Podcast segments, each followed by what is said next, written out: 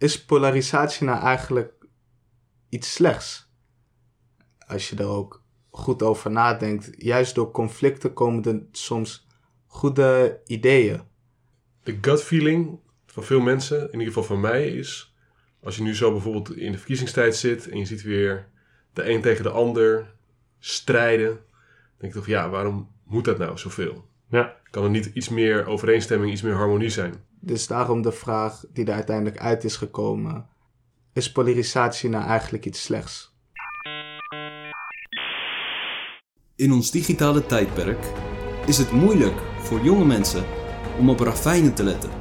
De type vragen en moeilijkheden waarmee ze worstelen. Ze vergeten de sterren ook snel. Het inspiratieputten uit idealen. Jongeren hebben, nu meer dan ooit, onderwijzers nodig. Die hen helpen de realiteit te omarmen en levensvragen persoonlijk te beantwoorden. Welkom bij Canyons and Stars. Welkom bij Mens Zijn Anno Nu, een podcast die tijdloze wijsheid laat schijnen over hedendaagse vragen van jongeren. Een initiatief van stichting Canyons and Stars. En wederom zijn we hier samen met Daan Hey! en. David. Goedemiddag. Hallo. Nou, we hebben vandaag weer een mooi onderwerp. Polarisatie. Ik ben benieuwd. We beginnen altijd met een vraag. Wat is de vraag? Nou, ik weet niet of het echt een vraag was. Nou ja, het was wel een vraag. Het is niet begonnen met een vraag. Ik was met een eh, collegaatje van mij, Hedia, naar werk aan het lopen. Ja? Ik was aan het vertellen over onze podcast natuurlijk. En ik vroeg haar gewoon of ze nog wat ideeën had. En zij zei polarisatie. Want dat is iets wat er altijd al heeft gespeeld. En wat waarschijnlijk nog wel een tijdje zal blijven spelen. Bijvoorbeeld, een simpel voorbeeld is natuurlijk de oorlog die nu gaande is in de Oekraïne. Ja. En zij zei eigenlijk: Is polarisatie nou eigenlijk iets slechts? Als je er ook goed over nadenkt, juist door conflicten komen er soms goede ideeën. En door conflicten vinden we soms betere oplossingen. En soms brengen conflicten mensen ook dichter bij elkaar. Dus daarom de vraag die er uiteindelijk uit is gekomen: is polarisatie nou eigenlijk iets slechts? Ja, Heldere vraag. een mooie vraag denk ik om vandaag eh, samen in te duiken. Zeker, absoluut. Ik denk dat het, de gut feeling van veel mensen, in ieder geval van mij, is als je nu zo bijvoorbeeld in de verkiezingstijd zit en je ziet weer de een tegen de ander strijden, dan denk je toch, ja, waarom moet dat nou zoveel? Ja, Kan er niet iets meer overeenstemming, iets meer harmonie zijn? Het heeft misschien ook een beetje te maken met mijn temperament, mijn karakter. Ik ben toch een meer conflictmijdend iemand. Mhm. Ik ben niet iemand die heel erg de conflict opzoekt. Er zijn natuurlijk andere mensen die meer daarvan houden om dat gevecht aan te gaan. Ja, mijn gut feeling zegt afstand houden. ja. Ja. Doe maar even niet. Ik ben net zo. Ik probeer ook altijd conflict absoluut te vermijden. En ga liever voor de verbinding, inderdaad. Dat verschilt echt per persoon. Ja. Ja. Hoe ben jij, David? Ik probeer dat ook wel te zijn, denk ik. Ik denk dat ik eh, de mentaliteit probeer te krijgen en begin ook te krijgen van conflict kost te veel energie. En ik denk dat dat wel, dat heeft me denk ik wel geholpen. Ik denk dat het makkelijker is, vooral als je het met iemand oneens bent, om even te zeggen, weet je wat, jij hebt gelijk. Even de devil's advocate te spelen en dingen vanuit een ander perspectief te zien. Want soms is het niet alleen makkelijker om iemand anders gelijk te geven, maar soms is het ook gewoon beter. En er ho- hoeft niet altijd conflict te zijn. Ja, Da- Maar als ik je zo hoor, dan is jouw eerste instantie, jouw temperament, wel meer van, huppakee, we gaan... Zo was ik vroeger wel, maar ik denk dat het nu echt, ja, niet meer. Het zit niet echt meer in me, denk ik. Ja, het zit natuurlijk wel diep in me, maar ik probeer conflict deze dagen ook wat te vermijden, denk ik. Ja. De-escalatie. Daar, eh, ja, dat, dat willen we niet meer. Ik heb dat zelf, wat ik al zei, ik ben zelf meer aan de agreeable kant, zoals het in het Engels ook wel genoemd wordt. Want dit onderwerp komt uit de psychologie, wordt heel veel onderzocht. In de Big Five hebben jullie vast wel eens van gehoord. En er valt onder andere agreeableness onder. En dat is een soort van spectrum van, hè, je kan heel erg agreeable zijn of heel erg disagreeable. Nee, klopt. eh, Maar we hadden het over polarisatie en van daaruit kwam het punt. Hè. We zijn natuurlijk verschillend in hoe we daarin stappen. Maar jij Ja, er is ook nog een vraag, denk ik.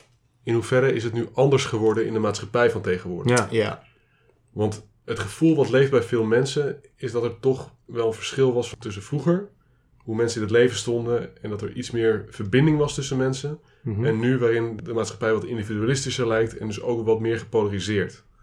Ik weet niet, delen jullie die indruk of is dat heel anders voor jullie? Nou, ik, ik heb wel het idee dat het tegenwoordig wat meer gebeurt. Maar dat is natuurlijk een perspectief vanuit mijn leven, wat natuurlijk ook maar 32 jaar op deze aarde is. Ja. Maar ik zie wel heel veel dingen gebeuren. Daar kom je denk ik zo meteen ook op wat betreft social media en hele media gebeuren. Ik zie wel dingen van uit Amerika waar ik denk van, oh, daar begint het wel heel erg tegen eh, kop tegen kop, vuist tegen vuist te worden. Waar ik het gevoel had dat dat vroeger minder was. Ja, precies.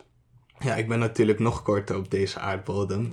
dus eh, Jonkie, ik weet niet helemaal hoe het vroeger was, maar ik heb inderdaad wel het gevoel dat sociale media, de beschikbaarheid van nieuws, dat die zo groot is door sociale media, en, maar ook überhaupt door het internet, dat polarisatie vast wel misschien niet eens meer voorkomt, maar dat het wat duidelijker is. Ja. Misschien als de mensen honderd jaar geleden dezelfde informatie tot beschikking hadden als dat wij nu hebben, dat het nog erger zou zijn. ja.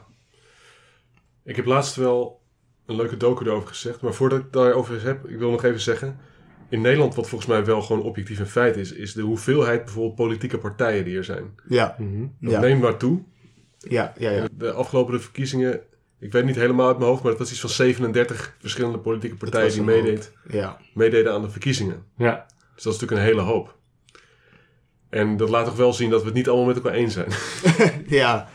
nee, want je hebt inderdaad ook landen waar er eigenlijk maar tussen twee partijen of drie of vier partijen, waar er heel weinig partijen zijn waar je echt uit kan kiezen. En hier Ja. is het inderdaad voor elk smaakje een eh, eigen partij. Precies. Maar de documentaire die ik laatst heb gezien, is de Social Dilemma, heet dat. Mhm. Oh ja. Ken je die, David? Ja, op Netflix. Heb gezien. Ja, ik heb hem gezien, zeker. Het is een docu van een aantal jaar geleden. Ik vond het echt een interessante documentaire. En ik heb er een aantal dingen uitgehaald. Eén ding is gewoon het idee dat de algoritmes van die sociale media... die zijn geoptimaliseerd om ons nieuws te laten zien waar wij op gaan klikken. En want dat is wat de social media wil. Ze wil onze aandacht. Ja. Dus hoe krijg je aandacht? Door mensen dingen te geven die zij interessant vinden. Dus daardoor krijg je al een bias waarin dus mensen meer van de dingen gaan zien die zij interessant vinden, dus waar zij het mee eens zijn. Dus dat je heel erg mensen krijgt die van één kant geïnformeerd zijn Ja. en anderen die van de andere kant geïnformeerd zijn. En dat gaat dan vooral over als jouw primaire nieuwsbron bijvoorbeeld Google News wordt. Waarin dus echt dingen worden geselecteerd die voor jou interessant zijn. En dus die jou ook interessant lijken.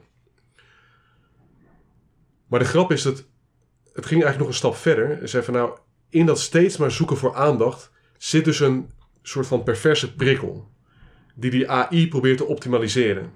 Een van de mensen die in die documentaire voorkwam, dat was een man die had bij Google gewerkt. Ik ben even zijn naam kwijt. Hij is heel bekend. Hij was een soort van het geweten van Google. Hij heeft een presentatie gemaakt over dingen die fout gingen. Dat is ook naar het management geweest. Iedereen had ervan gehoord in het bedrijf. En hij zei, toen gebeurde er niks mee. Dus dat is wel bekend geworden, maar er is gewoon niks mee gebeurd. Hij heeft toen zijn consequenties getrokken en is gewoon uit het bedrijf gestapt. Hij zei, dat kan niet zo. En hij is sindsdien aan het campaignen om big tech ethischer te maken. Daar komt het eigenlijk op neer. Om meer rekening te houden met het welzijn van mensen. Want hij zegt, het welzijn van mensen gaat onderdoor. En een van de punten die hij zei, en dat vond ik echt een sterk punt. Hij zei, kijk, er wordt heel vaak gedacht over... Wanneer wordt het zo dat artificiële intelligentie onze intelligentie overtreft? Wanneer wordt het beter dan het beste in de mens, zou je kunnen zeggen? Goed, daar kan je ook over twisten, maar als je zegt de intelligentie is het beste van de mens. Wanneer wordt de computer beter dan het beste van de mens? Nou, Ja. daar zijn veel mensen mee bezig. Maar hij zegt eigenlijk een relevantere vraag voor nu is: wanneer wordt de AI beter dan het slechtste in de mens? En hij zegt dat is eigenlijk al zo. En wat is het slechtste in de mens? Dat is eigenlijk hetgene het gebroken in ons, waar steeds maar, ja, we kunnen worden verleid om onze aandacht ergens op te vestigen dat wij interessant vinden. Ja. Dus eigenlijk worden die algoritmes geoptimaliseerd om ons steeds beter te verleiden eigenlijk. En steeds meer in te spelen op die gevoelens die ons die aandacht gaan geven. En dat zijn niet altijd positieve gevoelens. Dat kunnen ook gevoelens zijn van haat, juist van conflict, van polarisatie. En dus die AI zit eigenlijk in te spelen op het zoveel mogelijk polariseren Mhm. van dingen.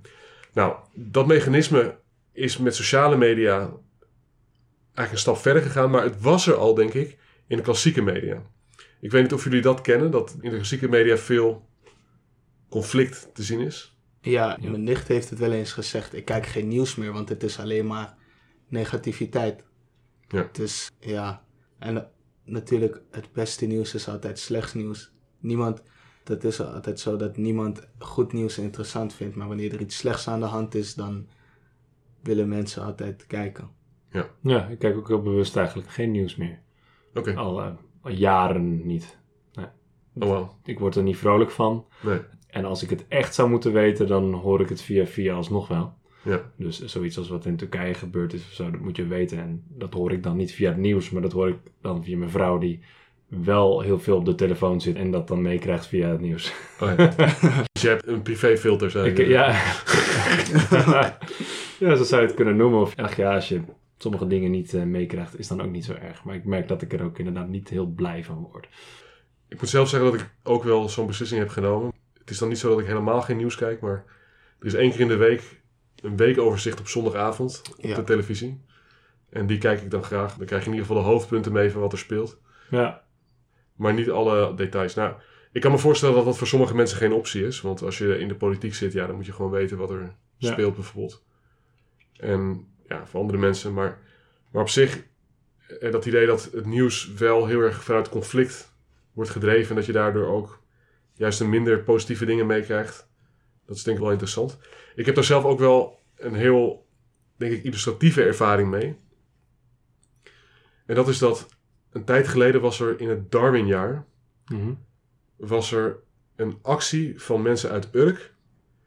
Die hadden een folder opgesteld. En dat was: Je moet nu kiezen: God of evolutie. Oh ja.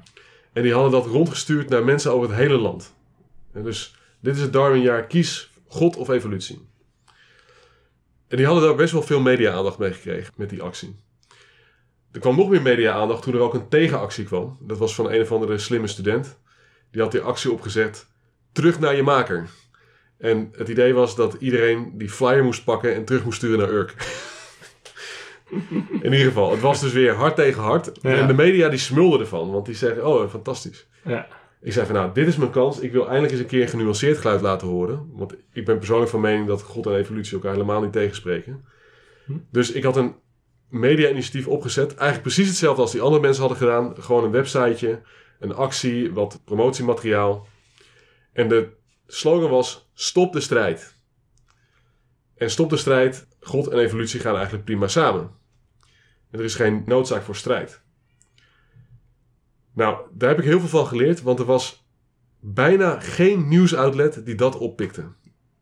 Bijna geen enkele. Terwijl die anderen, die werden gewoon gelijk opgepikt. Ja, Daar werd wat mee gedaan. Ja. Ik ben wel op de radio geweest bij de KRO. Dat was de katholieke nieuwsuitzending. En die vonden dat wel een mooie boodschap. Dus die vonden dat wel aardig. Nou, dat was op zich wel leuk. Overigens heeft dat nog wel spin-offs gehad. Ik heb daarna gehoord van een tante van mij die Jehovah's getuige is. Dat iemand op de kansel van de Jehovah's getuige had gezegd... Datgene wat die persoon in dat radioprogramma heeft gezegd... Daar staan wij ook helemaal achter. dus dat was wel weer grappig. ja, ja. Dus het heeft altijd wel weer onverwachte spin-offs. Maar voor mij een grote take-home was...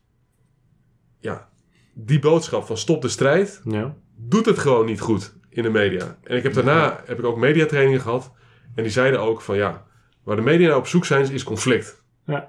Als je conflict hebt, dan vinden mensen interessant, gaan ze luisteren. Stop de strijd, daar is niemand in Het geïnteresseerd. is net als in theater een verhaal. Er, er moet ook conflict in zitten. Er moet iets gebeuren. Hè?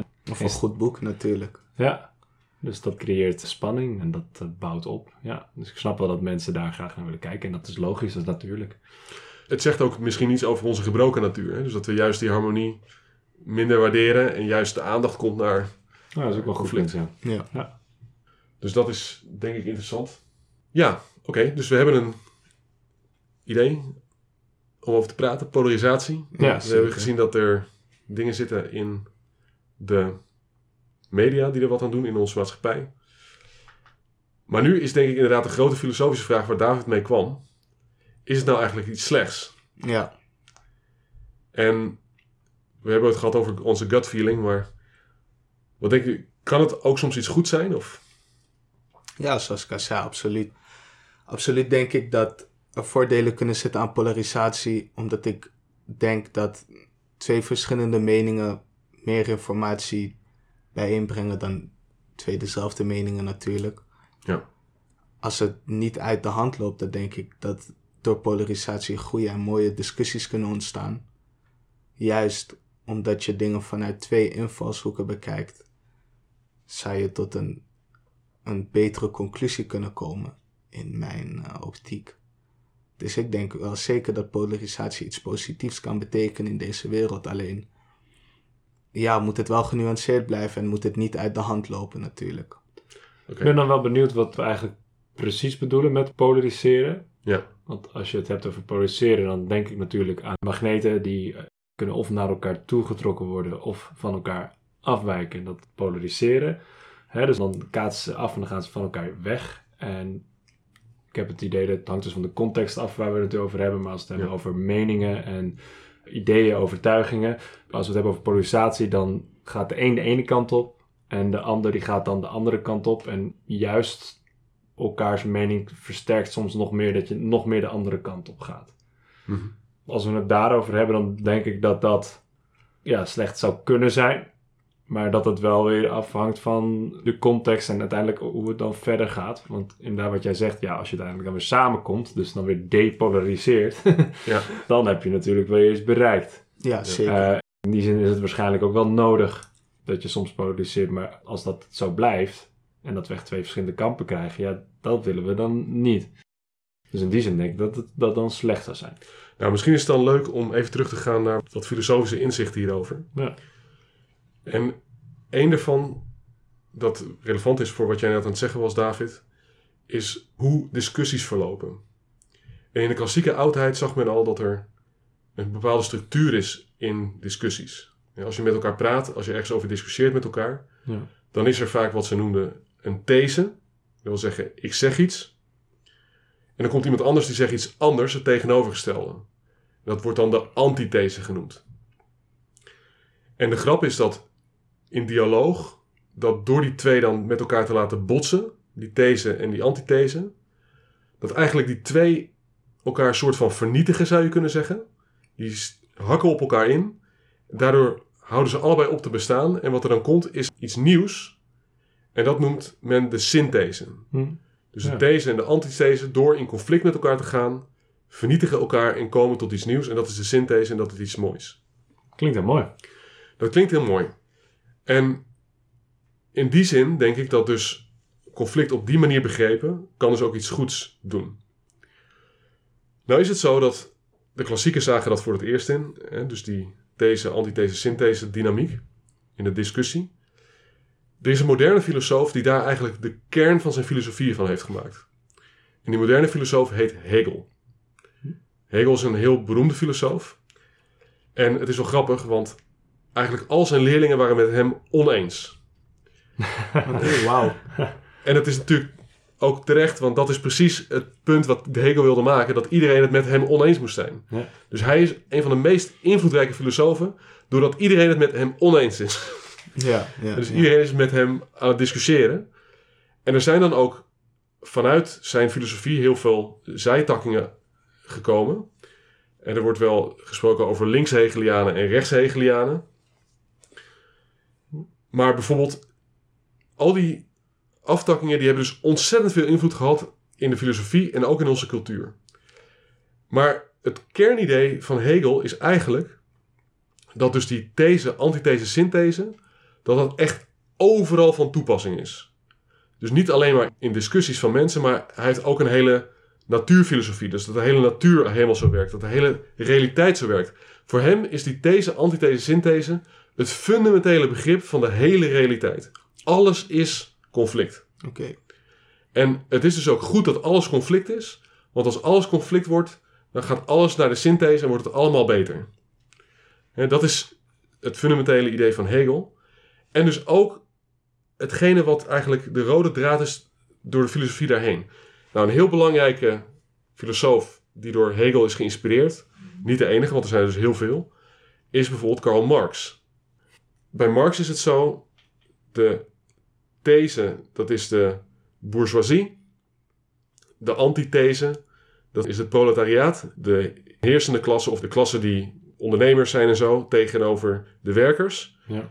Dat zijn these en antithese en die moeten dus in conflict met elkaar komen. Dat is de revolutie en dan komt er een synthese en dat is dan het communistische paradijs. Dat is goed, dat is een beetje heel snel. Maar dat is dus wat er gebeurt in Karl Marx. Nou, het punt is natuurlijk dat het is niet helemaal onwaar dat ook in de maatschappij het zo is dat er door conflict dingen vooruitkomen. Want ook in de maatschappij is het zo dat er ideeën zijn en dat die met elkaar in strijd gaan. Ja. Ik denk dat de fundamentele vraag is: heeft Hegel nou gelijk dat inderdaad alles zo werkt? Is dat zo? Of is dat niet zo? Ik weet niet of jullie daar al een gevoel bij hebben. Is, dat, is het zo dat alles zo werkt of is dat niet zo? Mm. Ja, moeilijk. De manier waarop je de vraag stelt, zal het vast niet alles zijn. Maar eh, de simpele dingen in het leven waarschijnlijk wel. Als je conflict hebt.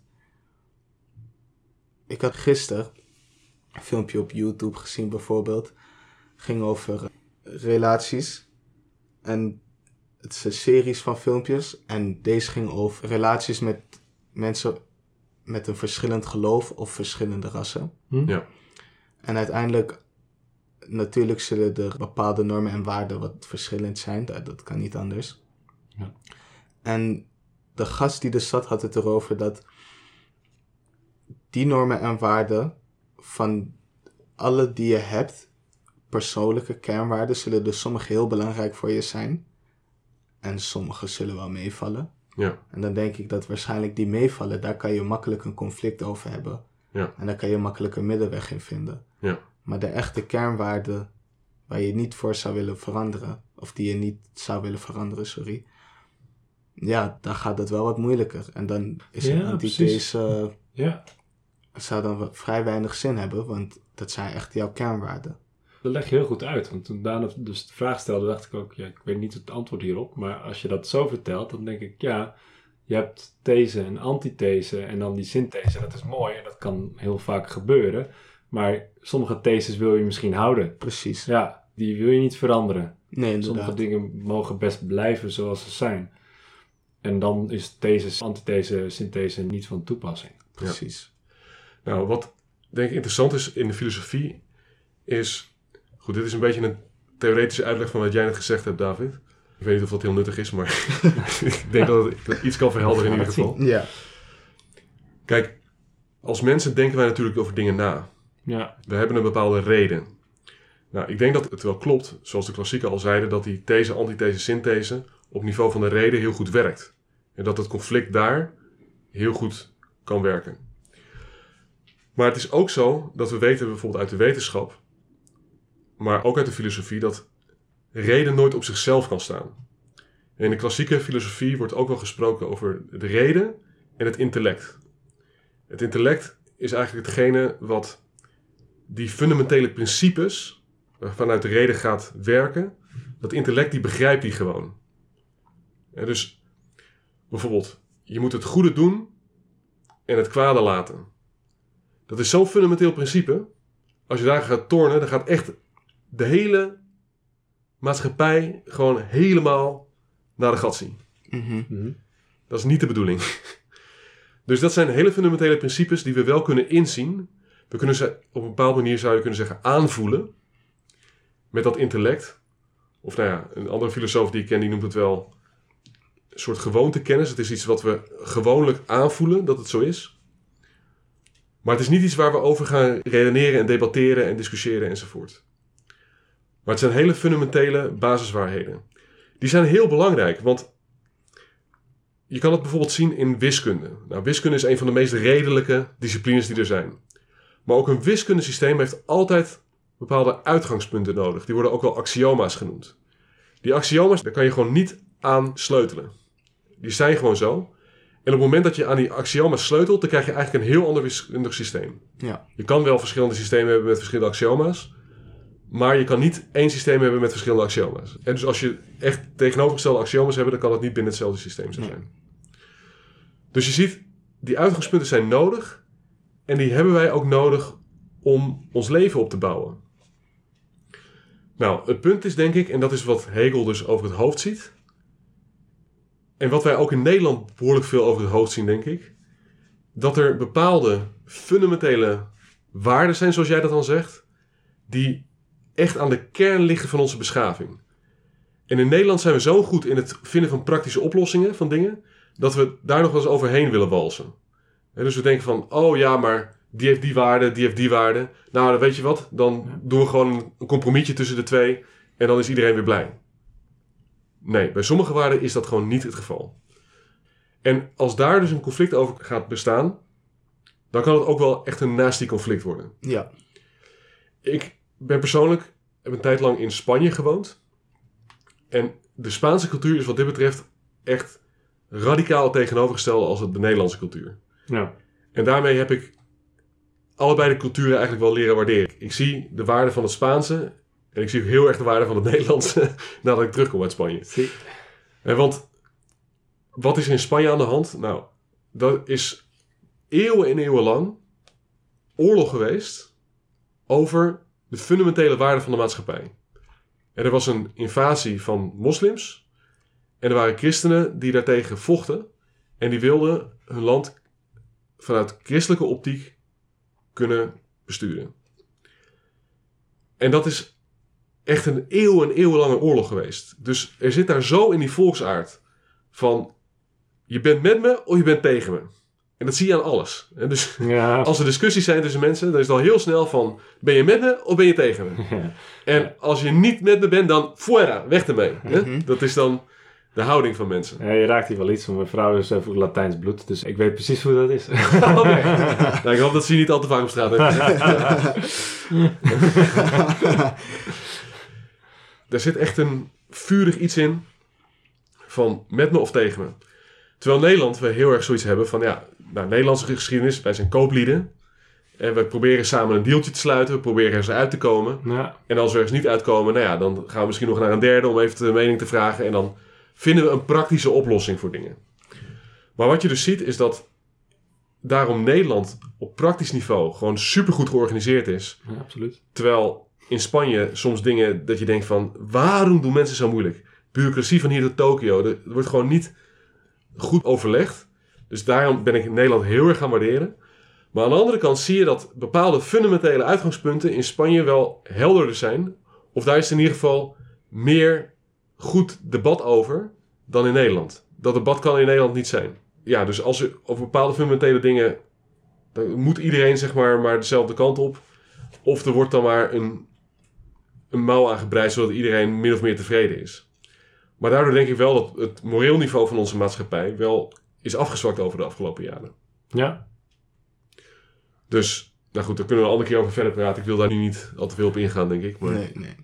Maar ja, ik denk wel dat ik snap wat je bedoelt. Dus dan denk ik dus dat er een goede polarisatie is. En dat is de polarisatie op dat zeg maar praktische niveau. Waarin je dus van, met elkaar van mening kan verschillen. En op een opbouwende manier daar komen naar nieuwe inzichten. Ja. Maar er is ook een veel meer nasty polarisatie op dat fundamentele waardeniveau. Inderdaad, zoals jij zei. Wat dus gaat over onze uitgangspunten. Over wat ons intellect ons zegt over de fundamentele principes. En daar denk ik dat het wel goed is om helderheid over te krijgen. Maar uiteindelijk wil je toch toe naar een situatie waarin mensen dat met elkaar eens zijn. En dus wat je dan krijgt, denk ik, een ideaal plaatje in de politiek in ieder geval. Van mensen die wel een goed debat met elkaar kunnen voeren. Het echt met elkaar inhoudelijk kunnen oneens zijn. En daar ook daartoe komen tot een nieuw inzicht over wat praktisch nou de beste oplossing is. Maar daarna ook met elkaar de kroeg in kunnen duiken en gewoon bevriend met elkaar zijn. Omdat er toch een fundamentele overeenstemming is over waar gaan we heen met elkaar. Dat is lastig, maar dat is mijn inziens hoe polarisatie iets moois kan zijn. Als Maar je daarna de kroeg in kan gaan. als je daarna de proef in kan gaan. Ja, dat vind ik ook wel een eh, mooie manier van polariseren. ja, Zeker. goed. Ja. Dat is het filosofische kant van polariseren. En je hebt het eigenlijk uitgelegd, als kort samenvat, dat je zei van je hebt de these, je hebt de antithese en de synthese. En dat werkt op het gebied van de, de reden. Zeg je daarin, is dat een logische gedachte? Ja. Maar in gedeelte van principes en waarden kan het een probleem zijn om te polariseren. En ik denk wel dat het zo is dat de afgelopen tijd we meer in dat soort polarisatie uit zijn gekomen. Dat is wel een probleem. Ja. Ja, dat is wel interessant. En hoe gaan we dat dan oplossen? Hoe gaan we dat oplossen? Nou, ik weet niet. Ja, we proberen in deze podcast ook altijd vanuit het katholieke geloof wat inzichten aan te dragen. Mhm. Zijn er vanuit het geloof oplossingen voor dit hele probleem? Ik weet niet, wat denken jullie?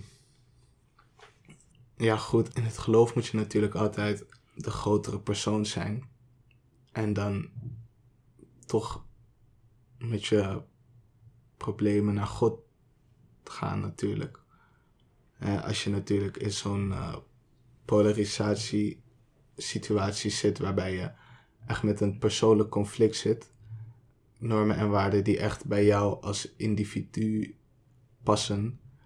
Dan zou ik dan misschien zeggen, theologisch gezien, zoek toch naar een middenweg. Maar ja, het is lastig. Zoiets is natuurlijk moeilijk, omdat, ja, we hebben het er net over gehad, dat gaat niet zomaar. Dus ja, ik zou niet weten hoe we daar echt een oplossing voor hebben. Maar die zal er vast wel zijn.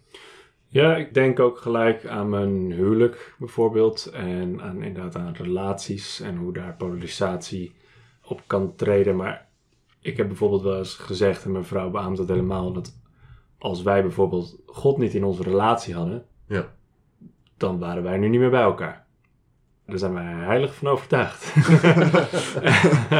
en daar zijn we God ook zeker dankbaar voor. Dus in die zin zie ik dat God daar een belangrijke rol speelt, waar wij anders ja, er niet uitgekomen zouden zijn. En het geeft ons ook een eikpunt, een soort van hij is de waarheid. Jezus is voor ons de waarheid. Ja. Dus daarin zullen wij altijd niet gepolariseerd zijn. Ja. Hoe wij dan ook anders opgegroeid zijn en anders dingen hebben geleerd en anders kijken naar heel veel dingen. Ja. En heel veel dingen dan niet met elkaar mee eens zijn. Toch hebben we dat als ultieme waarheid. Of als een waarheid. Ja. Dus in die zin kan ik zeker wel zeggen dat nou, de theologie, in die zin dan God, daar een oplossing in kan bieden. Ja, wat je nu zegt is eigenlijk heel mooi. Hè? Dus je zegt, het geloof is voor ons eigenlijk die principes, die uitgangspunten, die komen daar vandaan. Ja, En dat is voor ons de veilige haven, het anker, Ja. de basis. En dan op dat hogere niveau, of tenminste het niveau van het nadenken, van het praktische oplossingen vinden, nou, daar kan van alles en nog wat gebeuren. ja, En er kunnen heel veel verschillende meningen zijn en dat is ook niet altijd leuk. Maar uiteindelijk kom je daar toch wel uit, omdat je die basis hebt waar wel alles stabiel staat. ja. Nou, dat is inderdaad een heel mooie oplossing. Maar het probleem is natuurlijk dat in deze wereld niet iedereen dat geloof deelt. Nee. En dat is natuurlijk een groot issue. Dus hoe ga je daarmee om? En dat is denk ik een interessant vraagstuk. En ik denk dat het katholieke geloof in ieder geval daar ook niet blind voor is. En Het is aan de ene kant heel universeel, want katholiek betekent universeel. En betekent ook dat het open staat voor alle mensen. Dat alle mensen uitgenodigd zijn tot een intieme relatie met God. Dat alle mensen, dat het mooi is dat God voor hen klaar staat en dat God altijd barmhartig is, dus altijd ook een wil ontvangen, dat altijd die, het geloof er is om die relatie met God weer te herstellen. En dus iedereen kan binnengaan in die relatie. En dan, als je binnen gaat, dan is er ook iets als de vrede van Christus. En wat is de vrede van Christus? Nou, dat wil zeggen dat juist vanuit die relatie met God je een bepaalde innerlijke vrede kan krijgen waarop je je verdere leven kan bouwen. Hij zegt ook, ja, ik ben de rots, het fundament, de hoeksteen. Ja. Dus daarop kan je alles bouwen en dat kunnen andere mensen ook doen. Alleen het feit is natuurlijk dat niet iedereen dat doet. En daar is Jezus in ieder geval in het evangelie ook heel duidelijk over. Hij zegt zelfs, en dat zijn best wel harde woorden, maar ik denk dat je het in deze context wel kan begrijpen. Dus Jezus zegt in de Bijbel: Denk niet dat ik op aarde vrede ben komen brengen. Ik ben niet vrede komen brengen, maar het zwaard. Nou, dat is nogal een heftige uitspraak. Dat moet in de context worden geïnterpreteerd, want het is tegelijkertijd waar dat Jezus niet een soort legeraanvoerder was. En dus ook in zijn leven was hij iemand die wel probeerde mensen op vreedzame wijze te overtuigen. Later, toen zijn passie was aangebroken, dus zodat dat hij gearresteerd werd, was er een van zijn leerlingen die zijn zwaard trok. Nou, En toen zei Jezus, leg dat zwaard weg. En dus het is niet zo dat hij iedereen oproept om alleen maar aan het zwaard vechten te zijn. Daar gaat het niet om. Maar er is wel een diepe waarheid. Als je in het Grieks kijkt naar het zwaard wat hij zegt, ik wil dat zwaard komen brengen. ja. In het Grieks staat er, ik ben het woord even kwijt, maar het betekent een klein zwaard. Hm. En staat er in de uitleg in het woordenboek wat ik las, het soort van zwaard wat gebruikt wordt om mensen in hun rug te steken. Een soort van het kleine zwaard van het interpersoonlijke conflict. En als je dan ziet wat de uitleg is rondom die zin, dan zie je ook dat hij zegt van nou, hè, moeder zal tegenover dochter staan, vader tegenover zoon. Ja. En de persoonlijke relaties, die zullen je ergste vijanden zijn. Hoe kan dat nou? Want tegelijkertijd zegt hij ook, en is ook een van de geboden, eert uw vader en uw moeder. Dus het is ook niet zo dat Jezus zegt, we moeten onze naaste familieleden haten of zo. Dat is ook helemaal niet zijn boodschap. We moeten juist mensen lief hebben. Maar toch zegt hij dat van het zwaard. En hoe zit dat nou? Nou, het punt is natuurlijk dat juist in die intieme relaties is het zo dat je heel vaak wordt teruggeworpen op die uitgangspunten. En nou ja, zoals jij zegt, wat is hetgene wat mijn huwelijk stabiel houdt? Dat wij een gedeeld uitgangspunt hebben. Dat is ook natuurlijk hetgene wat het meeste pijn doet als met mensen die je nabij staan, als je andere uitgangspunten hebt. Ja. En het geloof geeft nou eenmaal dat voor sommige mensen het uitgangspunt anders wordt dan voor andere mensen. Want Jezus die geeft ons een set uitgangspunten die heel mooi zijn, heel hoog zijn, heel erg van liefde zijn van enzovoort. Maar als andere mensen die niet delen, dan is er alsnog wel een conflict. En dat is dus een heel diep conflict. Het is een conflict op gebied van uitgangspunten. Dus juist een soort van polarisatie die we eigenlijk niet willen. Dus hoe zit dat nou? Dus Jezus is vrede komen brengen, maar tegelijkertijd ook die vorm van polarisatie. Hoe kan dat nou? Nou, ik denk dat in ieder geval één antwoord erop vanuit het christendom is van ja, in deze wereld proberen we wel zoveel mogelijk mensen te helpen om naar die vrede van Christus toe te komen, maar helemaal zullen we er ook nooit zijn. Uiteindelijk de vrede van Christus volledig. We kunnen hier op aarde best wel heel veel van meekrijgen. En als we intiem zijn met Jezus, dan kunnen we ook heel veel van die conflicten kunnen we dragen zoals jij hebt gezien in je huwelijk. Maar tegelijkertijd is het ook zo dat de volledige vrede zal alleen maar zijn in het hiernamaals. En dan gaan we in, in de volledige vrede van Christus. En dat is een van de dingen die bijvoorbeeld veel politieke filosofieën van tegenwoordig moeilijk vinden. En die proberen allemaal een hemel op aarde te creëren. Als we maar allemaal dit doen, dan komt er een hemel op aarde. Het communistische paradijs. En het christelijke antwoord is nee. Dat zal er nooit zijn. Je zal nooit helemaal een hemel op aarde komen. Je hebt een hemel hierna. En naarmate wij meer ons best doen om die hemel in te gaan, wordt het op aarde ook hemelser. Maar beetje bij beetje en nooit helemaal. En dus in die zin is het christendom geen utopie. Nee. Ja, dus ik weet niet, helpt dit een beetje? Jawel. Ja. Nou, het is een, een goed voorbeeld van de polarisatie die je niet wil hebben. En ook wel goed om te horen hoe Jezus het vrede brengt, maar tegelijkertijd het zwaard. Het is inderdaad een conflict die heel vreemd is om te horen. Ja. Maar het is wel de werkelijkheid. eh, dat we dat tegenkomen in deze tijd. Dus over het onderwerp polarisatie is het een heel goed voorbeeld, denk ik. Ja, ben ik het wel mee eens. Sluit ik me bij aan. Wat voor voorbeelden kunnen jullie dan bedenken? Wat voor een... Nee, je begon net al over Teuns huwelijk. En, en je zei natuurlijk ook... Misschien juist wat niet een goed voorbeeld is, is... Wat je zei over politici en wereldleiders die toch... ehm, de hemel naar de aarde willen brengen. Ja. Een voorbeeld van hoe het niet kan. En hoe het niet moet. Valse idealen en... Wat mij nu triggert, wat ik nu denk, is wat je zei dat christendom geen utopie is. Dat vind ik wel mooi. Ja. Omdat we gewoon in deze wereld zijn, inderdaad mensen niet datzelfde diezelfde waarheid ervaren en zien. En dat dat conflict gewoon gaan tegenkomen. Ja. En dat we daarop voorbereid mogen zijn. En dat Jezus ons dus niet zegt van jongens, het wordt allemaal happy, peace, go lucky all the time. Maar hij komt om vrede brengen. Maar uiteindelijk komt dat in deze wereld niet zonder, zonder wat strijd tussen verschillende perspectieven. Nou ja, en dat is natuurlijk ook een van de grote paradoxen van het christendom, denk ik. Het christelijke symbool is het symbool van het kruis. En David heeft nu een mooi kruis om zijn nek hangen. En wat betekent dat kruis? Dat betekent heel veel. Daar kan je nog podcast en podcast over vullen. Leuk. Maar één ding is wel duidelijk, denk ik. Dat daar is natuurlijk heel veel polarisatie. Ja.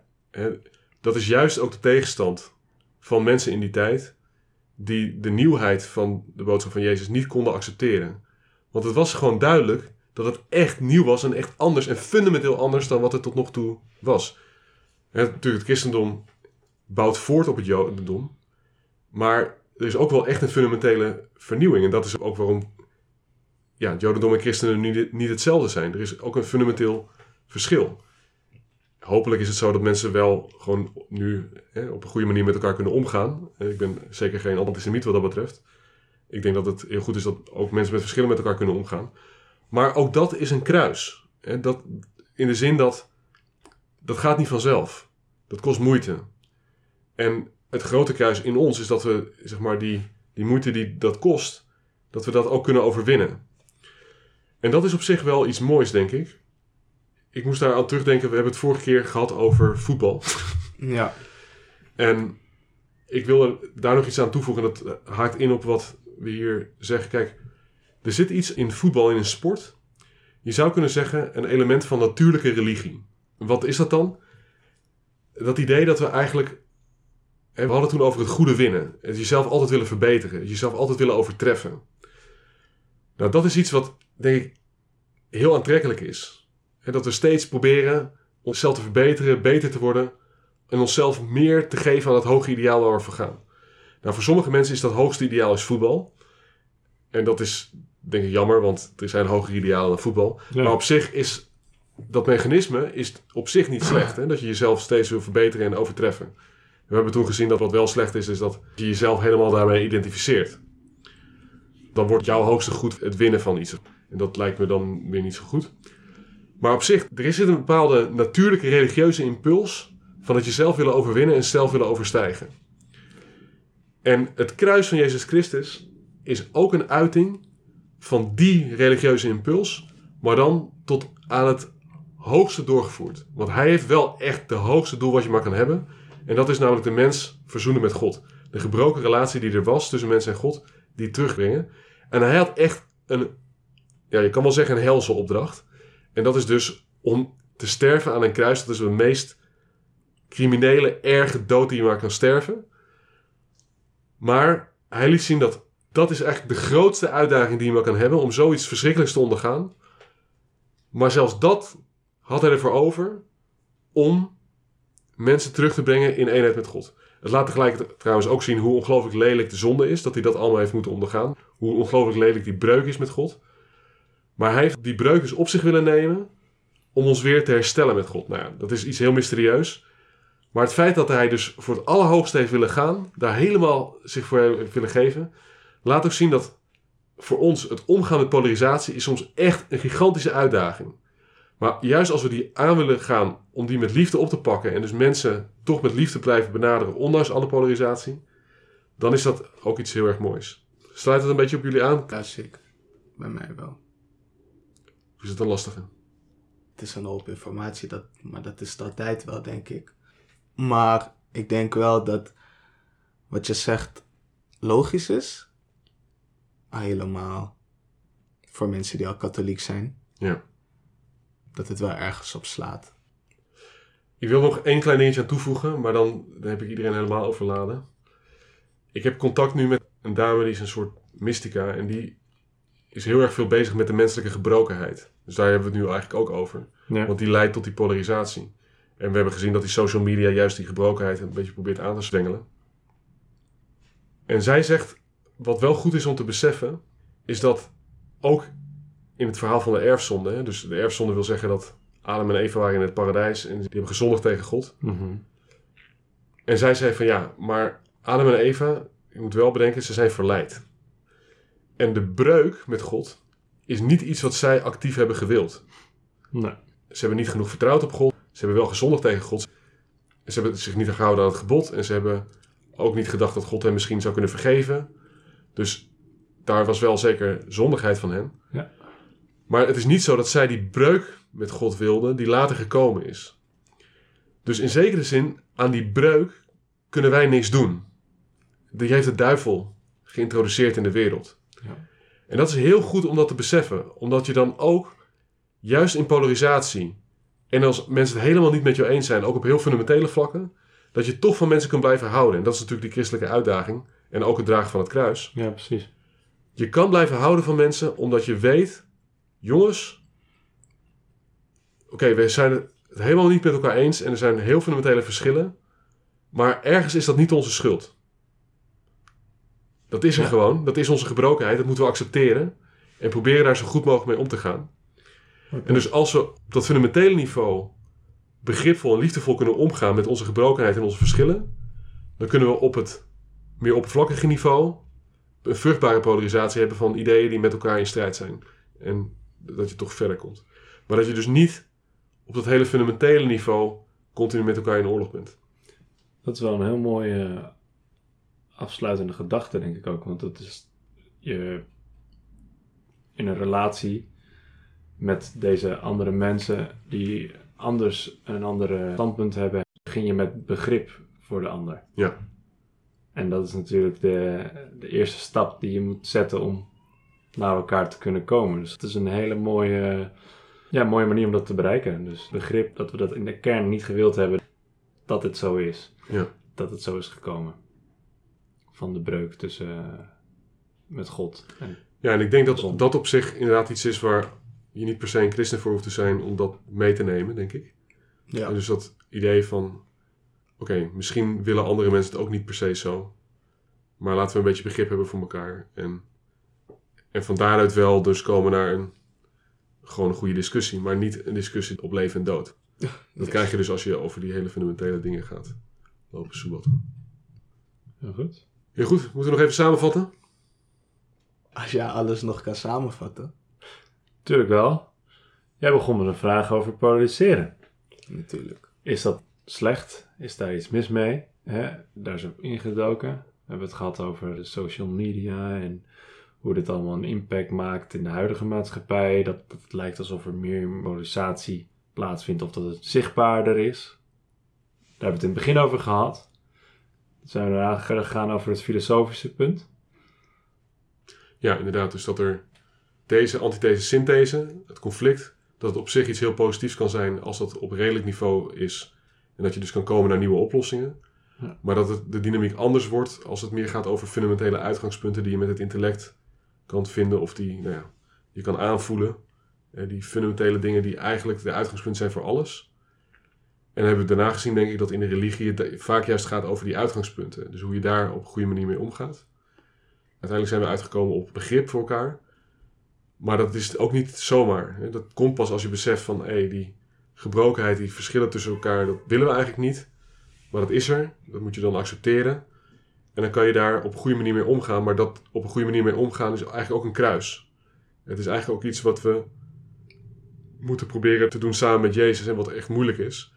Want als we dat kruis dragen samen met Jezus, dan kunnen we dus de relatie tussen mensen, maar ook de relatie tussen mensen en God weer herstellen. En dat is eigenlijk dus die hele grote uitdaging. En die allergrootste uitdaging van de natuurlijke religie zou je kunnen zeggen. Van iets heel groots doen en daar ook voor kunnen afzien. Nou, dat is dat kruis dat we... Oké, die verschillen zijn er, maar we kunnen dat samen dragen. En we kunnen op die manier ook op een goede manier met elkaar omgaan in de maatschappij. En op een goede manier de relatie met God herstellen. Dus ik denk dat dat is voor mij de samenvatting. Maar ik weet niet of jullie nog willen Dat was toevoegen. wel een goede samenvatting. Toch wel? Toch wel. Ja, ja, ja. Nou, ik hoop dat eh, je collega was het. Dat hij er wat aan heeft. Ja, ja, ja. Ik denk wel dat ze, dat ze het een nuttig gesprek heeft gevonden. Ik in ieder geval wel. Ja, ik ook. Daarvoor wil ik jullie weer bedanken. Jullie ook bedankt. Ja, jullie ook allebei bedankt. Dan was het weer een aflevering van Mens zijn, anno nu. Bedankt voor het luisteren. Fijne avond. Tot ziens. Tot de volgende. Dit was Canyons and Stars. Je kunt ons vinden op canyonsandstars.org. Wil je in contact blijven? Ga naar canyonsandstars.org en klik op Doe mee. Of abonneer je op de podcast, want jongeren hebben, nu meer dan ooit, onderwijzers nodig die hen helpen de realiteit te omarmen en levensvragen persoonlijk te beantwoorden. Canyons and Stars. Let's grow together.